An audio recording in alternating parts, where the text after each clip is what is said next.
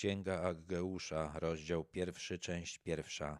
Drugiego roku króla Dariusza, w szóstym miesiącu, pierwszego dnia tegoż miesiąca, doszło przez proroka Aggeusza do Zorobabela, syna Szealtiela, namiestnika Judei, i do arcykapłana Jozułego, syna Jehosadaka, słowo Pana tej treści.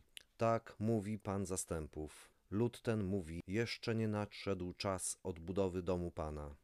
Księga ta zawiera przesłanie, które przekazywał Żydom od Boga prorok Aggeusz. Jego imię można tłumaczyć jako uroczysty, świąteczny lub urodzony w święto. Aggeusz zaczął prorokować w drugim roku panowania króla Dariusza, czyli w 521 albo w 520 roku przed narodzeniem Chrystusa. Ten okres historii Izraela został opisany w księdze Ezdrasza i w księdze Nehemiasza. Wtedy część potomków Żydów uprowadzonych do niewoli przez króla babilońskiego Nebukadnesara powróciła do swojej ziemi. Pozwolił im na to król Cyrus, który podbił państwo babilońskie. Żydzi powrócili pod przywództwem wspomnianych tutaj Zorobabela i Jozłego. Zorobabel pochodził z rodu Dawida. Tutaj jest napisane, że był synem Shealtiela. W pierwszej księdze Kronik, w trzecim rozdziale, w siedemnastym wierszu można przeczytać, że Shealtiel był wnukiem Jehojakima, jednego z ostatnich królów Judy przed likwidacją tego państwa. Czyli Zorobabel pochodził z rodu Dawida i miał prawo do tronu judzkiego. Jozue był synem Jehosadaka. W pierwszej księdze Kronik, w piątym rozdziale, w czterdziestym wierszu można przeczytać, że Jehosadak był arcykapłanem, kiedy Nebukadnesar wysiedlił ludność Królestwa Judy i zlikwidował to państwo, czyli Jozue miał pełne prawa do tego, żeby być arcykapłanem. W trzecim rozdziale Księgi Ezdrasza można przeczytać, że w siódmym miesiącu od swojego powrotu Żydzi odbudowali ołtarz świątyni jerozolimskiej, złożyli na nim ofiary i obchodzili święto szałasów, a w drugim roku od swojego powrotu rozpoczęli odbudowę świątyni. Jest napisane, że udało się wtedy położyć fundamenty. Gdy ludy, które zajęły ich miejsce, dowiedziały się o tym, najpierw chciały się przyłączyć do budowy tej świątyni,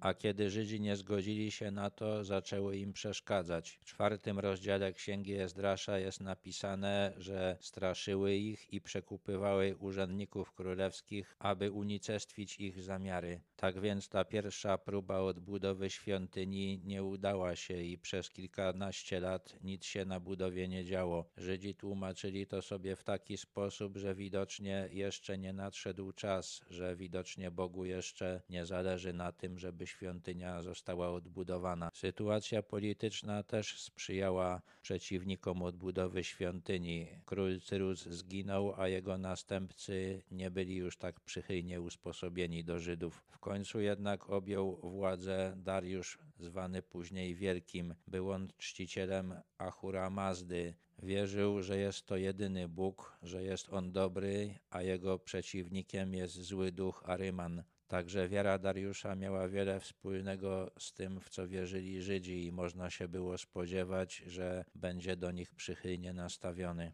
Wtedy doszło przez proroka Aggeusza słowo Pana tej treści. Czy już czas dla was na to, abyście mieszkali w domach wykładanych tafelkami, podczas gdy dom Pana leży w gruzach? Przez te kilkanaście lat przestoju przy odbudowie świątyni Żydzi zajęli się swoimi sprawami, budowali swoje domy i doprowadzili do tego, że były w nich bardzo komfortowe warunki. Położyli sobie nawet kafelki na ścianach. Budowa świątyni najwyraźniej przestała ich interesować i nie pomyśleli o tym, że być może teraz dałoby się ją dokończyć. Bóg przez proroka pokazał im, że myślą bardziej o sobie niż o nim. Ani namiestnik Zorobabel, ani arcykapłan Jozue nie zrobili tego. Otóż teraz tak mówi Pan zastępów. Zważcie, jak się wam powodzi. Siejecie wiele, lecz mało zbieracie. Jecie, lecz nie dosyta. Pijecie, lecz nie gasicie pragnienia. Ubieracie się, lecz nikt nie czuje ciepła. A kto pracuje, by zarobić, pracuje dla dziurawego worka. Zorobabel powiedział, że zanim Bóg przekazał mu to posłannictwo, już próbował innymi sposobami pokazać Żydom, że nie podoba mu się, że zaniedbali odbudowę świątyni. Pokazywał to w taki sposób, że nie dawał powodzenia ich wysiłkom. Z tego, co tutaj jest napisane, można się domyślić, że zbiory były kiepskie, bo była susza i dlatego nie było co pić. Oprócz suszy dokuczało Żydom zimno, które też nie sprzyja wegetacji i powoduje, że zbiory są kiepskie. Już od jakiegoś czasu to się powtarzało i chociaż Żydzi byli w stanie utrzymać się przy życiu, to pracowali dla dziurawego worka, czyli wystarczało to na życie, ale nie byli w stanie niczego odłożyć. Tak mówi pan zastępca. Zważcie, jak się wam powodzi. Idźcie w góry, sprowadźcie drzewo i budujcie dom, a upodobam go sobie i ukażę się w nim w chwale, mówi pan. Skoro naród nie zrozumiał, dlaczego mu się tak kiepsko powodzi, to Bóg przez Aggeusza mu wytłumaczył: Powinni się zająć budową świątyni. Bóg chce, żeby ona już była. Do tego, żeby zbudować świątynię, potrzebne są belki, więc najpierw niech idą w góry i wytną odpowiednie drzewa, a potem niech je dostarczą na plac budowy i zabierają się do pracy.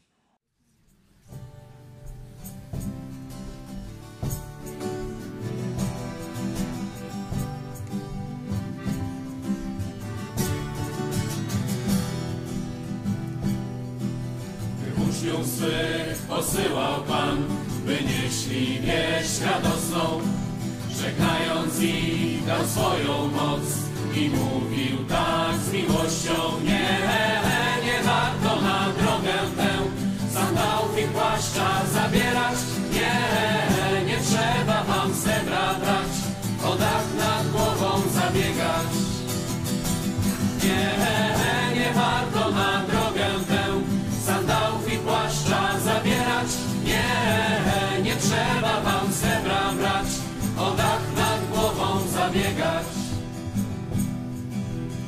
Nowinę tę głosili więc po czterech stronach świata. Bogaci tak, nie mając nic, bo miłość jest bogata. Nie, nie warto na drogę tę sandałów i płaszcza zabierać. Nie, nie trzeba wam srebra brać, o dach nad głową zabiegać.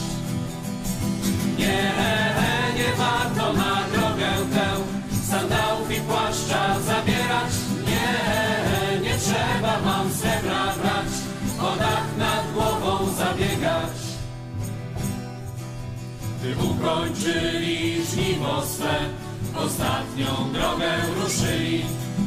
Patrzyli w niebo na Ojca dom i tak z ufnością mówili